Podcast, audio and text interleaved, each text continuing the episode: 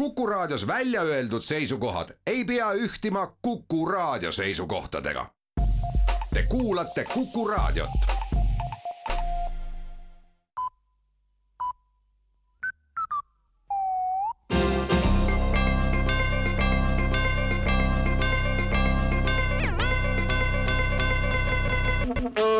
tere kuulama uudiseid stuudios Rohke Develak Eesti Energia annab teada, et lähiajal tuleb turule veel elektripakette, millede vahel valik teha ja üks neist on mõeldud otseselt hinnatundlikule kliendile. uus pakett annab kliendile võimaluse loobuda võrguteenustest ja tulla ja tarbida vajaminev kogus elektrienergiat otse elektrijaamas. kaasa saab võtta kõik oma triikrauad, pesumasinad, ahjud, pliidid ja toimetused elektrijaamas korda ajada ning nii ei pea võrgutasusid maksma. koostöös valitsusega rajab Eesti Energia elektritarbijatele ka soojakutest linnaku, kus saab vajada vajadusel ka ööbida. soojakud on elektriküttega ja pealinna teateid. Tallinna linnavalitsus annab teada, et korruptsioonitõrjeprogramm on valmis ja valmis on ta tegelikult juba mitu aastat, kuid objektiivsetel põhjustel ei ole seda seni käiku lastud. linnal on plaan korraldada hange, leidmaks korruptsioonitõrje teostajaid, ent seni ei ole seda hanget välja kuulutatud, sest alati, kui mingi hange välja kuulutada, lõpeb see korruptsiooniga. nii võib korruptsiooni tõrjumisest välja kukkuda hoopiski midagi vastupidist ja seetõttu on olukord seni väljapääsmatu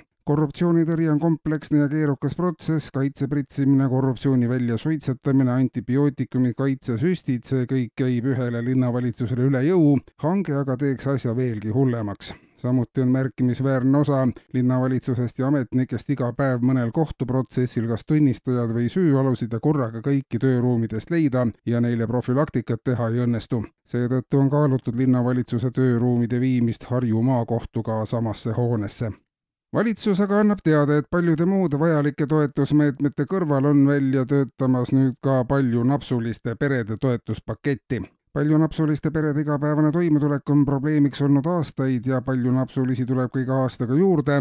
on inimesi, kellel on üks naps paras või on napsi kaks ja sellest piisab, kuid paljunapsuliste koormus on oluliselt suurem kõige suuremas hädas on paljunapsulised üksikvanemad, kelledele hakatakse toetust maksma eelisjärjekorras ja ka rubriik muusikasõpradele. täna tuleb esimest korda kokku Eesti esimene lõhkpilliorkester. orkester koosneb nii Vabariigi Valitsuse, Riigikogu kui Tallinna linnavalitsuse, samuti teiste kohalike omavalitsuste esindajatest kuni kõige kõrgema tasemeni ja senisest pidevast ohust omavahelises kemplemises pill lõhki puhuda on edasi mindud lõhkpill on küll suhteliselt uus pilliliik, kuid valmidus sellel mängimiseks on suuremal osal Eesti elanikkonnast, märgivad moosekandid. usutavasti annavad esimesed kontserdid julgustust ja tulevikus on lõhkpilliorkester juba igas väiksemas alevis, lisatakse avalikus kontserdikutses. pääsmed tund enne algust, riismed juba esimestest taktidest.